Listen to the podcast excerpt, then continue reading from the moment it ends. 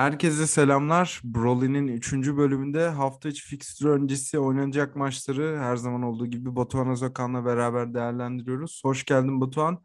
Acayip bir Umut. tempomuz ve yoğunluğumuz var. Ve hayatta kalmaya çalışıyoruz şu anda Premier Lig podcasterları olarak. Yani önümüzdeki bu bir aylık süreç böyle geçecek ama en azından bu kadar yoğun bir maç temposu olmasına rağmen e, sürekli içerik çıktığı için de e, mutluyuz aslında. Hani böyle bir keyif verici bir işle uğraşmak da bu işin ayrıca e, güzel yanlarından biri. Ki haftaya da bir hafta içi fikstürümüz var. Biz hem Broly'yi hem de Premier Lig'i peş peşe çekmek zorunda kalacağız. Şimdiden bir bombardıman seziyorum ben haftaya ama istersen bu haftanın konusuyla başlayalım. Premier Lig'in hafta içi fikstürü daha doğrusu 14. haftası bu akşam Newcastle United'la Norwich arasında oynanacak bir maçla başlıyor. 22.30'da maç ve iki yeni gelen menajer karşı karşıya olacak. Ligin dibindeki iki takım aynı zamanda. Aslında bir championship mücadelesi diyebiliriz herhalde buna. Şöyle kabaca istatistikleri verirsem Norwich 3 maçtır kaybetmiyor ve Newcastle United 14 maçtır kazanamıyor ki en üst seviye İngiltere liglerinde galibiyet alamayan tek takım Newcastle United ve acayip bir fırsat herhalde Eddie Howe ve takımı için. Yani kazanmaya bir yerden başlayacaklarsa bu hafta en ideal hafta gibi duruyor şu an için. Bugünkü alacakları galibiyet en azından yani şu an birazcık zor gözüküyor. Hatta çok çok zor bir iş gözüküyor. Ligde kalmaları aslında ama e, aslında sadece 17. sırayla 6 puan fark var. Sanki çok daha büyük bir uçurum varmış gibi duruyor ama hala işleri zor. Kolay değil. Bunu kabul ediyorum. Ama bir şekilde toparlanmaya başlamaları gerekiyor. Eğer hani yukarıya doğru bir ivmelenme olacaksa da Norwich şu an en uygun rakip gibi gözüküyor. Hı hı. Şöyle bir baktığımız zaman Newcastle United'da bir takım eksiklikler göze çarpıyor. Geçen hafta oynayan Matt Rich ve Jamal Lascelles cezalılar ki Matt Rich'in form durumuna bakacak olursak aslında cezalı olması Newcastle için olumlu mu olumsuz mu tartışılabilecek bir husus. Bunun karşısında Norwich'te sadece Norman'ın belli bir şüphesi var ama maç saatinde onun da oynaması bekleniyor. Aslında tam kadro bir Norwich kazanmak için çok uygun bir maç gibi gözüküyor aslında. Yani katılıyorum. Hem bence kadro kalitesi olarak zaten Norwich'in üstünde bir takım Newcastle.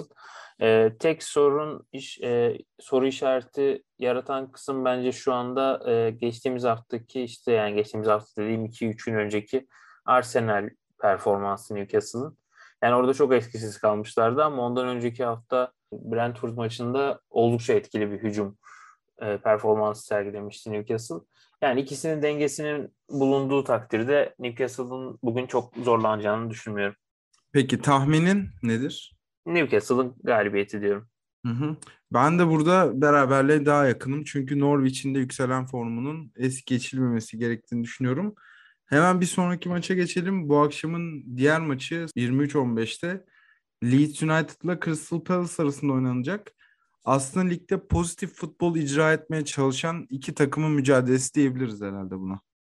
Yani kesinlikle ilk, ilk alt yani büyük altılının haricindeki e, takımlara baktığımız zaman herkesin şu anda keyif vererek keyifle izlediği birkaç takımdan biri. Aslında Leeds'in bu sezonki performansından dolayı belki bu birazcık tam e, doğru bir cümle olmayabilir ama genel anlamda iki takımın da keyif veren ekiplerinden biri olduğunu söyleyebiliriz. Yani bugünkü maçta aslında Leeds açısından kritik bir önem taşıyor. O kötü gidişatı durdurabilecekleri bir rakip var karşılarında. Yani kendilerine denk diyebileceğimiz bir takım var. Ama Palace'ın da işte son haftalardaki e, performansı ve yukarı doğru çıkan e, oyunu e, birazcık önlerindeki en büyük engel gibi duruyor şimdilik.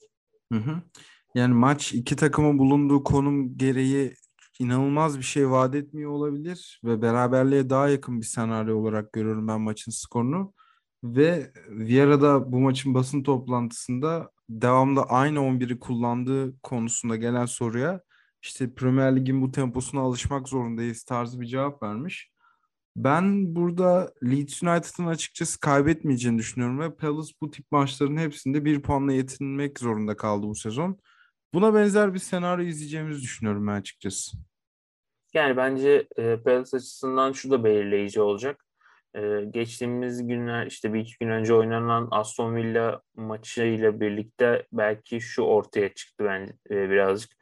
E, Palace'ın bu skoru koruyup koruyamayacağı konusunda da aslında ya da e, geriye düşmüş olduğu maçlarda reaksiyon verememesiyle alakalı e, bir şey e, ortaya çıkmış oldu bu Aston Villa maçıyla birlikte aslında. Bu kalıcı mı yoksa geçici bir şey mi? Onu göreceğiz. Yani burada Leeds karşısında olası bir geriye düşüş sonrasında nasıl bir oyun oynayacakları, nasıl bir reaksiyon verecekleri ya da işte öne geçerlerse e, Burnley maçı gibi mi yok e, olacak yoksa hani bu skoru korumayı başarabilecekler mi? Bu da e, maçı izlerken iz, e, benim beklediğim e, bir şey olacak diye düşünüyorum. Hı hı. Peki iki maçtan birini izlemeyi tavsiye edersen hangi maçı ön plana çıkartırsın? Çünkü maçlar anlamlandıramadığım bir şekilde çakışıyor birbiriyle ve ben şahsen Newcastle Norwich maçını tercih edeceğim bu akşam. Yani ben şeye göre gideceğim açıkçası saate göre yani zaten Newcastle maçının ilk yarısı bitti, bittiğinde Leeds maçı başlayacak. İşte Leeds'in ilk yarısı bitip sonra Norwich'e geçeceğim. O şekilde yani tam saate uygun şekilde devam edeceğim. Tek bir maça odaklanmaktansa hani kaçırdığım bölümleri de sonra tekrardan e, tamamlamayı düşünüyorum. Güzel. O zaman bugünü kapatıp yarına geçelim. Asıl hafta içi fikstürün en büyük etkisi herhalde yarın olacak. Çünkü çok fazla maç var. Hem de birbiriyle çakışan çok fazla maç var. Saat 22.30 seansında seçmemiz gereken kısım burası aslında Aynen bugünden öyle. ziyade. Bu maçların tekrarlarını ne zaman izleyeceğiz? Çünkü Premier Lig'i konuşmamız lazım. Gerçekten büyük bir soru işareti. Yarın 22.30'da Watford Chelsea maçı var. İnanılmaz bir şeye dönüşebilir bu maç. E, hazırlanırken programa baktım. Herhangi bir kar yağışı falan da beklenmiyor Watford'un stadında. Ve bu maçın herhalde en büyük hikayesi Lukaku'nun dönüşü. Hı hı. Ki e, bir önceki maçta da e, United maçında birazcık süre almıştı. Hı hı. E, ama çok etkisiz ama tamam, gözüktü. Evet. Yani muhtemelen artık bu maçla birlikte tamamen randıman almaya başlayacak diye düşünüyorum Chelsea. Hı hı. Yani bugün açıkçası bu yarınki yoğun fikstür içerisinde çok e, öne çıkan maçlardan biri olabilir gibi geliyor bana. E, bunun haricinde Chelsea'nin bu United mağlubi beraber puan kaybından sonra e, bir reaksiyon verip tekrar yukarıya e, çıkması için önünde elverişli bir rakip var. Bu sebeple de hani hem dün işte Ballon d'Or'da yılın takımını kazanan ilk ilk kez ödülü kazanan takım Chelsea oldu. Hani hem bunu da kutlayabilecekleri ve kolay bir rakip var karşılarında yani. Bu yılın en iyi takımı herhalde Şampiyonlar Ligi'ni kazanan takımlara verilecek ekstra bir başka ödül olacak UEFA nezdinde. Yani birkaç isim daha var galiba.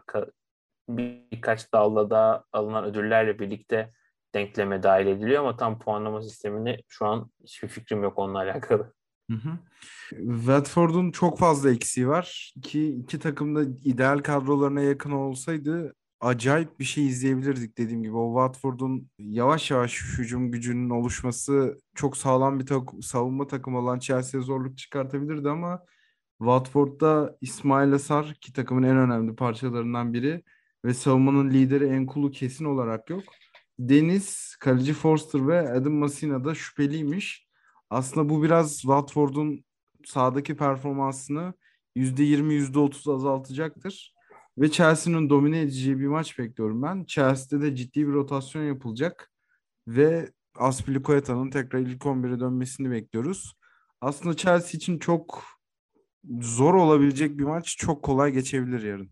Watford'un eksikleri tabii ki bunda etken olabilir.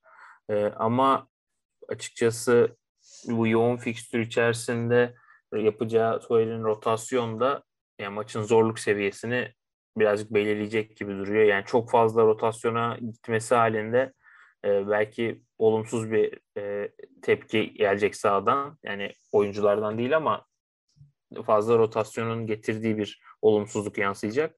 Ama yani o bu rotasyonlu kadronun bile e, Chelsea açısından çok büyük bir kalite kaybı olacağını zannetmiyorum. Yani zaten Tuhel normal maçlarda da birçok rotasyon parçasına ciddi dakikalar verdiği için aslında o oyuncuları da bir nevi bu dönemleri hazırladı. Mesela yarın Ruben Loftus-Cheek'in kesin olarak oynaması bekleniyor.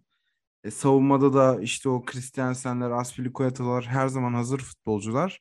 Bir işte Marcos Alonso belki savunma anlamında bir problem çıkartabilir ama savunma beklerinin de ne kadar golcü bir yapıya büründüklerini biliyoruz. O yüzden hı hı. Chelsea maçını heyecanla bekliyorum diyeyim. Bu maçla ilgili herhangi bir tahminin var mı? Yani gollü bir maç izleyeceğiz gibi düşünüyorum açıkçası. Yani iki tarafında poz yani aslında bunu hiç e, Ranieri geldiğinde daha önce de söylemiştim. Beklemiyordum böyle bir cümle kurabileceğimi ama Watford'un son dönemdeki pozitif oyunuyla birlikte ben iki takımın da gol bulabileceği ve yüksek tempolu ve bol gollü bir maç bekliyorum. Hı hı. Aslında bu hafta içi fikstürüne şöyle bir detaylı baktığımız zaman bol gol vadeden çok fazla maç var ama bu maçlardan bir örnek olmayan Wolverhampton Burnley maçına geçelim. Yani maçla ilgili konuşacak o kadar az şey var ki anda aşağı basın toplantısında sadece işte o karlı havada tiril tiril bir gömlekle sahaya çıkmasını sormuşlar. Daesh da bir noktadan sonra sıkılmış ve yani sadece bu mu bunu mu konuşacağız? Hani toplantıyı bu mu domine edecek demiş. Ya hakikaten çok sert bir eşleşme ama futbol anlamında zaten tercih edilecek bir maç da değil. Haftanın sıkıcı geçmeye aday maçlarından biri. Şöyle bir baktığımızda istatistiklere Burnley son 3 maçını kaybetmedi ve hafta sonundan dinlenik bir şekilde maçı çıkıyor. Aslında bu onları bir adım daha öne atabilir. Ayrıca Wolves'a da son 5 maçtır kaybetmiyormuş Şendayş'in öğrencileri. Onlarda tek soru işareti Tarkovski ve Westwood'un cezalı olmaları. O yüzden Burnley'nin çok zorlayacağı bir maç bekliyorum ben Wolverhampton. E, yani e, burada Burnley'nin dinlenmiş olması bir hafta en azından e, belki işlerini kolaylaştırabilir. Yani daha dinç sahada olmalarını sağlayabilir ama maçın da ne zaman oynanacağını bilmiyoruz. Yani senin de söylediğin gibi çok e, tercih edilebilecek bir maç değil şu an için. Ama ilk başta yani çakışan maçlardan dolayı ama sonradan e, en azından geniş özetini izleriz diye düşünüyorum. Senin de ilk başta söylediğin gibi bu kadar maçı arka arkaya yetiştiremeyebiliriz. Evet. Hani yani belki hani bir maçı canlı izleyip sonra tekrar bir tanesini tam 90 dakika izledikten sonra hangisini geniş özetten izleyeyim derse muhtemelen ben de Wolverhampton Burnley'i seçerim. Yani Wolverhampton son dönemde toparlamaya başladı. Bunu bu Boxing Day ve işte yoğun fixture döneminde de sürdürebilmeleri biraz kritik olacak. Son 3 maçından ikisinden puan e, kaybı yaşadı Wolverhampton. Tekrar o yükselişe geçtiği dönemdeki performansına kavuşmak istiyorsa yani Burnley'i iç sahada mağlup etmeleri e, iyi bir başlangıç noktası olacaktır. Hı hı. Bu arada biz her hafta konuşurken Burnley'nin maçlarını izlemeyin diye bir öğüt yapıyoruz ama hani evet. aklında da şu kalmış olabilir o 2-3 sene önceki uzun toptan başka hiçbir şeyi denemeyen dahi bir Burnley yok bu sene. Bunun da temelinde her hafta bahsettiğimiz o Maxwell Cornet transferi var. Aslında hücum olarak gücü artmış bir ekip haline geldiler ve ya bazen bizi de şaşırtabiliyorlar. Mesela geçen haftaki Crystal Palace maçını üstüne ısrarla çizerek izlemeyin demiştik. ve maç 20 dakikada 3-3 falan oldu. O yüzden tercih edilmesi de inanılmaz bir skandal haline gelmeyecektir. İsteyen dinleyicilerimiz gönül rahatlığıyla tercih edebilir. 22-30 seansının son maçında Southampton ve Leicester City karşı karşıya geliyor. Bu iki takımın atları yan yana geldiğinde tabii ki hemen aklımıza o 9-0'lık tarihi maç geliyor. Aha. Aslında iki takımın rekabetinin kökenini de sadece bu oluşturuyor. Southampton neredeyse tam kadro. Leicester City'ye baktığımız zaman da epey eksik gözümüze çarpıyor. Ve hafta sonunun yıldızı Wardy'nin de burada rotasyonda yerini Patson Daka'ya bırakması bekleniyor.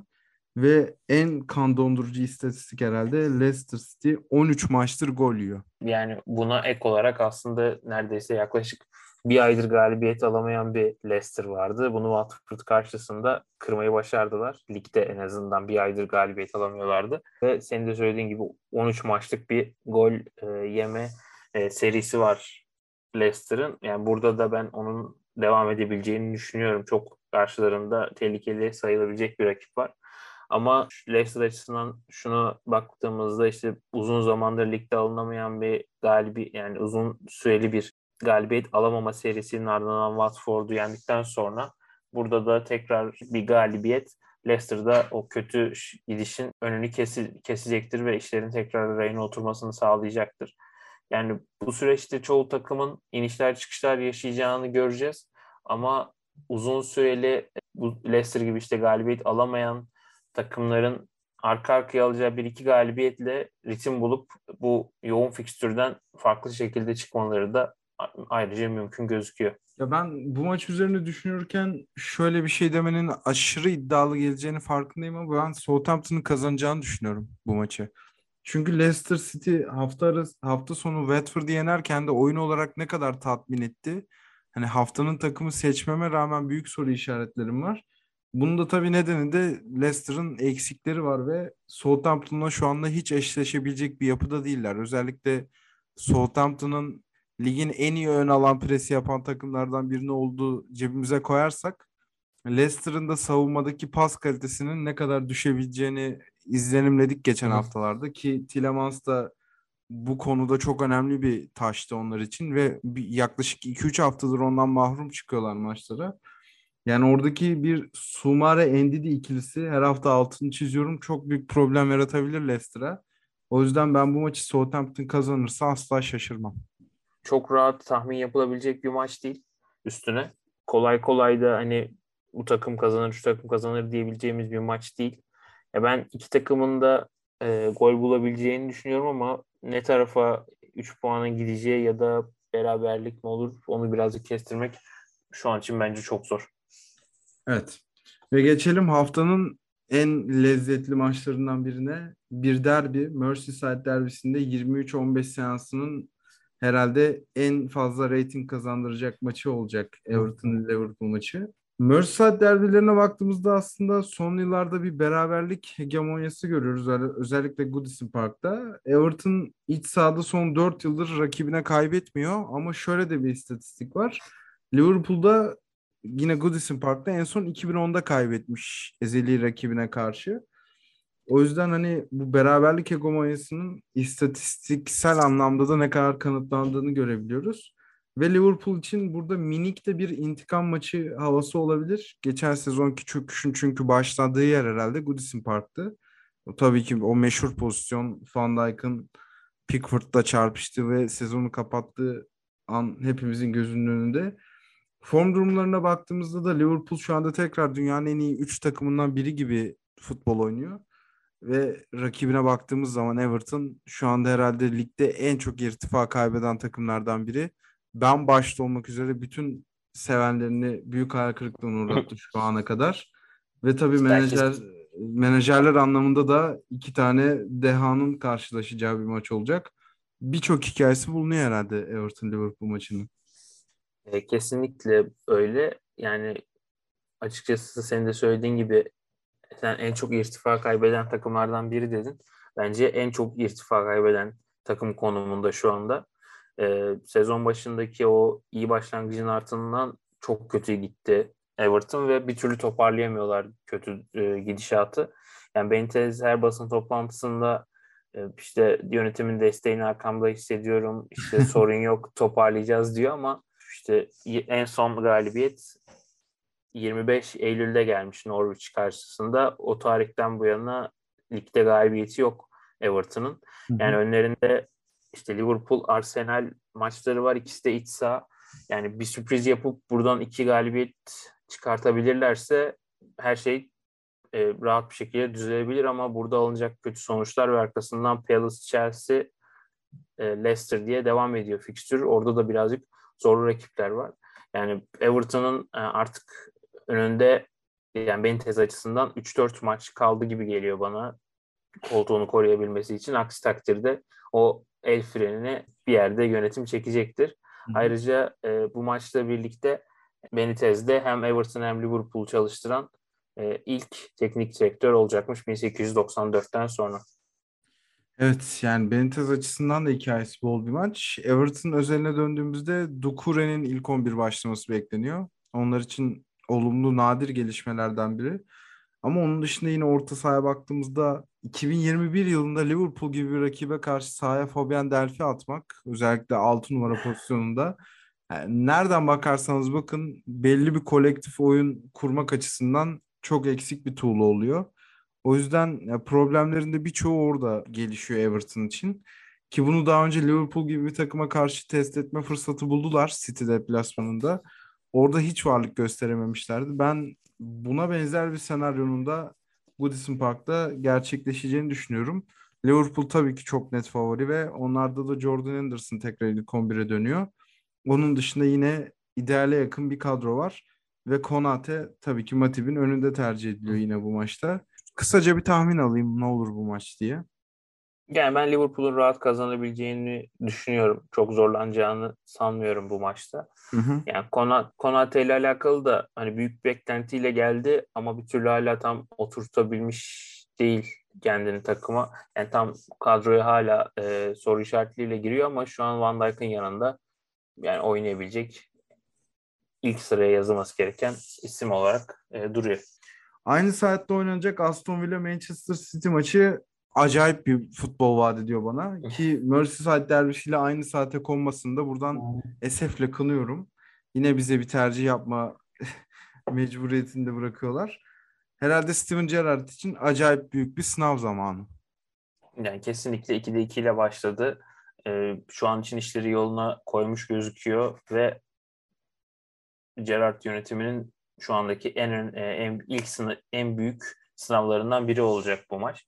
Yani şu üstüne çok e, ölüm kalım meselesi gibi bakmamak gerekiyor belki ama en azından burada verebilecekleri bir reaksiyon ve e, maç içindeki oyunları büyük takımlara karşı sezon ilerleyen bölümünde de nasıl e, bir oyun oynayacaklarını az çok belli edecektir. Ligin ilk iki maçında e, yani Gerrard yönetimindeki ilk iki maçta biraz e, topa sahip olmayan ve rakibini karşılayıp ona karşı onun üzerinden bir pozisyon üretmeye, gol bulmaya çalışan bir e, Aston Villa vardı. Burada da çok e, farklı bir senaryo izlemeyeceğimizi düşünüyorum ve hani bu iki haftadaki gösterdikleri oyunla City'yi bence e, en azından tedirgin edilecek pozisyonları fazlasıyla bulacaklarını da düşünüyorum. Kesinlikle öyle. City'nin o tedirgin çok güzel bir ifade oldu. City'nin en tedirgin olacağı maçlardan biri olacak son haftalarda. Yani zaten maç özelinde indiğimizde menajerler arasında da inanılmaz bir rekabetin başlangıcı olacak bence. Acayip bir taktiksel savaş falan izleyebiliriz. Ki Gerrard da hafta sonu gelen galibiyetin ardından direkt olarak hafta içindeki City maçını işaret etti. Yani bu gece kutlama yapacağız ama önümüzde acayip bir maç var diye bizi şimdiden hazırladı o maça. Ve hani maç özelindeki en büyük hikaye herhalde Grealish'in oynaması olurdu ama oynaması beklenmiyor bu maçta. Sakatlıktan yeni çıktığı için en azından bir ilk 11 planlarında dahil değil şu anda Pep Guardiola'nın. Ve geleceğin Liverpool menajeri herhalde tarihsel olmasa da güncel olarak en büyük rakibine karşı Liverpool'un kendisini kanıtlamak isteyecek. Bence Liverpool Everton maçının birçok izleyicisini çalabilir bu maç. Yani katılıyorum. Everton eğer o sezon başındaki formunu biraz daha sürdürmeyi başarabilmiş olsaydı ikilemde bırakabilirdi ama Gerrard'ın şu ana kadar gösterdiği performans ve doğal olarak City, City, City ile oynuyor olmaları da e, bu maçı bir adım ön plana çıkartıyor. Hı hı. Bu maçla ilgili herhalde herhangi bir tahminin var mı peki? Ya ben birazcık oyunun sıkışacağını ve çok yani keyifli bir mücadele izleyeceğimizi ama o kadar da e, gollerin olduğu ya da pozisyonun e, olduğu bir maç olmayacakmış gibi geliyor. Yani keyifli bir maç olacaktır ama gol yönünden sanki birazcık beklentinin altında kalacağını düşünüyorum. Hı hı. Peki. Ben de erken bir City golünün maçı bir aslında Brighton deplasmanı gibi çok erken koparabileceğini öngörüyorum ama tabii ki Aston Villa bunun gerçekleşmemesi için her şeyi yapacaktır. O zaman bir maçı unuttuğumu fark ettim. West Ham United 22-30 seansında yine çarşamba günü Brighton'ı konuk edecek. Haftanın yine en çok futbol vadeden maçlarından biri. Brighton çok problemli geliyor. Çünkü kazanamayan bir yapı var ve şaşırtıcı şekilde taraftarından da tepki görüyor. Yuvalanan bir menajer var.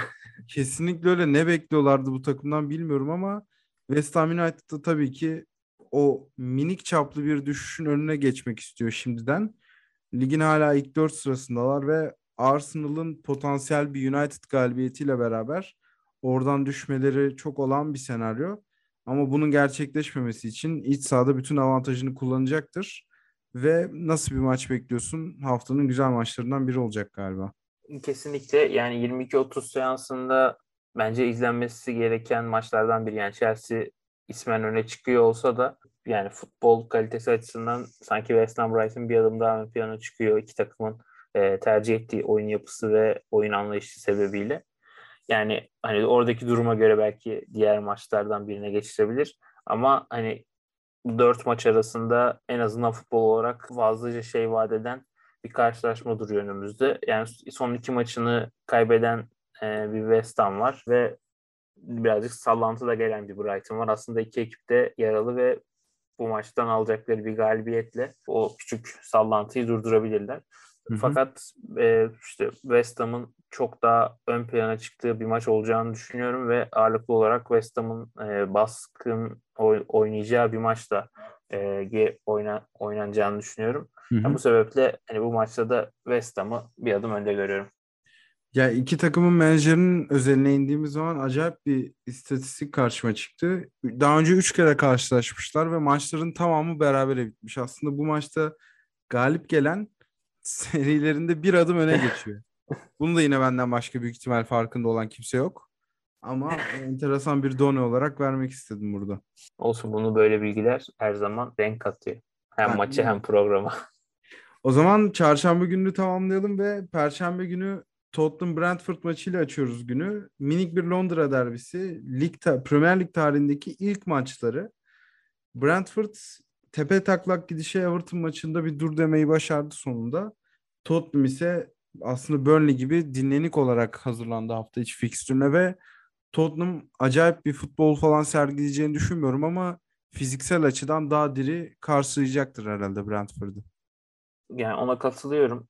Şu anda bence rakibine nazaran hem enerji olarak Conte'nin gelişiyle birlikte hem de e, moral motivasyon olarak biraz daha ön plana çıkıyor Tottenham. Yani Brentford sanki e, şu 14 şu 13 hafta geride kaldı. O sezon başındaki o renkli takımı ve e, bir şeyler vadeden takımı e, kimliğini sanki birazcık kaybetti gibi geliyor bana. Bu son maçlarda aldıkları e, sonuçlar da bunda etkili olmuş olabilir. Yani ligde e, 3-4 maçtır kaybe, e, puan kaybı yaşıyorlar. E, son galibiyetlerini işte Everton'dan önce 3 Ekim'de West Ham'a karşı almışlar deplasmandaki o maçta da tam oyun olarak tatmin ettiklerini çok söyleyemeyiz. Sezon başındaki o oyunları birazcık yerini sanki pragmatik bir yapıya yavaş yavaş bıraktı gibi geliyor. Yani buradan kolay kolay puan alabileceklerini sanmıyorum ama olası bir puan veya galibiyet Brentford'u birazcık e, biraz değil hatta bayağı e, var olduğu içinde bulunduğu sıkıntılı durumdan kurtarmaya yetecektir. Hı hı. Ya ben bu maçın notlarını alırken şunu düşündüm. Fena bir savunma takımı olarak saymayacağımız Brentford hücumda bazen çok kısıtlanan Tottenham'a karşı burada maçın genelinde bir problem yaratabilir mi diye aslında bu az bir ihtimal değil gibi geldi bana. Yani çok ben e, sorun yaratabileceklerini sanmıyorum ama o savunmada gösterecekleri direnç belki maç içinde o kırılmayı e, daha zorlaştırabilir. Yani Brentford'un ne kadar dirençli olabileceği aslında buradan alacağı sonucu da e, doğru e, aynı doğrultuda etkileyecek. Ya kesinlikle. Şimdi Tottenham'ı da Nuno Espirito Santo'nun Tottenham'ı gibi konumlandırmamak lazım ama mesela şöyle Leeds United gibi kendini bir adım öne atabilirse ben o skoru daha iyi muhafaza edebileceğini düşünüyorum Brentford'un. O yüzden haftanın enteresan maçlarından biri haline gelebilir. Bir sürpriz çıkabilir diye düşünüyorum ve haftanın kapanış maçı aynı zamanda haftanın maçı olan Manchester United Arsenal maçına geçelim son yıllarda çok durağan geçen özellikle Old Trafford'da çok sıkıcılaşan United Arsenal maçlarının ziyade ben çok eğlenceli bir maç izleyeceğimizi düşünüyorum ruhani. Yani hislerim bu yönde açıkçası. Ralf Ragnick'in ilk maçı olacak ve Arsenal acayip zor bir başlangıç olacak Kurt Hoca için. Arsenal son 5 maçtır United'a kaybetmiyor. 3 maçtır ise clean sheet'le tamamlıyor. Ve Arsenal'ın herhalde ilk 4 yarışındaki en büyük rakibi şu anda United. Onun için buradan gelebilecek bir 3 puan aslında ciddi bir de mesaj olacak. Yani ona katılıyorum. Eğer buradan Arsenal 3 puanla ayrılırsa hem United'ı çok e, puan United'da olan puan farkını açmış olacak. Hem de bu sezon özelinde aslında belirli bir mesajı da vermiş olacaktır. E, fakat işte Ragnik'in ilk maçı olacak ama çıkacak maça maça çıkıp çıkmayacağından ben hala şüpheliyim. Yani Conte'nin durumuna benzer bir durum olabilir. Yani tam maçtan bir gün önce ya da maç günü e, bir netlik kazanabilir durum. Hala yani e, anlaşma açıklandı ama çalışma vizesiyle alakalı hala bence bir belirsizlik var galiba anladığım kadarıyla okuduklarımdan. Hı hı. Yani bu ne kadar e, kısa sürede çözülecek onu bilmiyoruz. Dolayısıyla yani United adına önceki programlarda şunu konuşmuştuk. Bu maç e, Ragnik'in ilk maçı olacağı için belki doğru teşhisi burada koyabiliriz nasıl bir oyun oynayacakları konusunda. Ama bu maçta bir kriter olmayacak gibi en azından çünkü Ragnik'in e, takımla birlikte geçirdiği bir süre yok. Belki e, telefonla ya da bir şekilde e, çalışmaları yönlendiriyordur ama takımla geçirdiği süre olmadığı için United'ın yine çok büyük bir taktiksel e, farklı bir şeyle e, bu maça çıkacağını sanmıyorum. Yani Chelsea maçına benzer bir yapıyla da çıkabilir e, United. Ama Ragnik'in takımın başında olduğu bir maç e, olursa da hani belki belli başlı şeylerin değiştiğini görebiliriz. Hı hı. Yani bu maç sanki Arsenal biraz daha ön plana çıkıyor mevcut form durumu sebebiyle ama şu oy, e, senin söylediğin o tempolu oyun ve keyifli maç açısından o kadar ben emin değilim açıkçası. Öyle mi diyorsun? Ben yani şöyle aslında Ragnik'in çıkıp çıkamayacağı çok belirleyici olacak bu maç üzerinde. Çünkü hani Ragnik'in katabileceği o taktiksel dokunuşları katamazsan ben Arsenal'ı kazan yenebileceğini düşünmüyorum United'ın. En azından Chelsea maçı gibi tamamen sağlam savunarak buradan bir puanla çıkabilirler mi veya Arsenal'ı dura, duraklatabilirler mi emin değilim. Ve bu maçın özelinde en büyük belirleyici faktörlerden birinin hangi takımın topa hükmedeceği, hangi takımın biraz daha topu rakibe bırakıp savunacağı şeklinde olacak. Yani Arsenal'a topu bırakmak çok iyi bir fikir mi emin değilim ben şahsen. Yani şu e, şöyle bir şey de anlaşılmasın tabii ki. Yani Ragnik gelecek United bu maçta inanılmaz bir... Yok, kesinlikle öyle bir şey demiyorum. Maç yani, özelinde yok, ya. Yok kendim için de söylüyorum. Hani yani Hı-hı. sanki hani demin öyle bir anlam çıkmış gibi oldu ama hani kısa vadede öyle bir maçta tabii ki etki etmesi mümkün değil. Ama senin demin söylediğin gibi topu bırakacak takım eğer United olursa yani bir şekilde bunu başarırlarsa Arsenal işi daha çok zorlaşacaktır. Yani top kimde kalırsa aslında diğer takımın içini kolaylaşacağı bir maç şu an önümüzde duruyor. Hı hı. Kesinlikle öyle.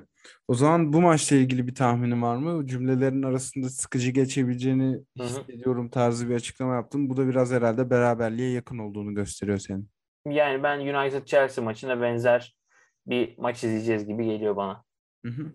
Ben de şahsen burada Arsenal'ı bir adım daha öne koyuyorum. Ama tekrarlayayım. Son yıllardaki o sıkıcı geçen United Arsenal maçlarından farklı olacağını hissediyorum ve o zaman Broly'nin hafta içi fikstürünü konuştuğumuz programını kapatabiliriz. Ekleyeceğim bir şey yoksa sana çok teşekkür ediyorum. Ben de sana çok teşekkür ediyorum. Biz yani şimdilik şu an için bir şey yok. Evet yani bir iki güne tekrar mikrofonlarımızın başında olacağız gibi gözüküyor. Biz dinleyen herkese çok teşekkür ederiz. Hoşçakalın. Hoşçakalın.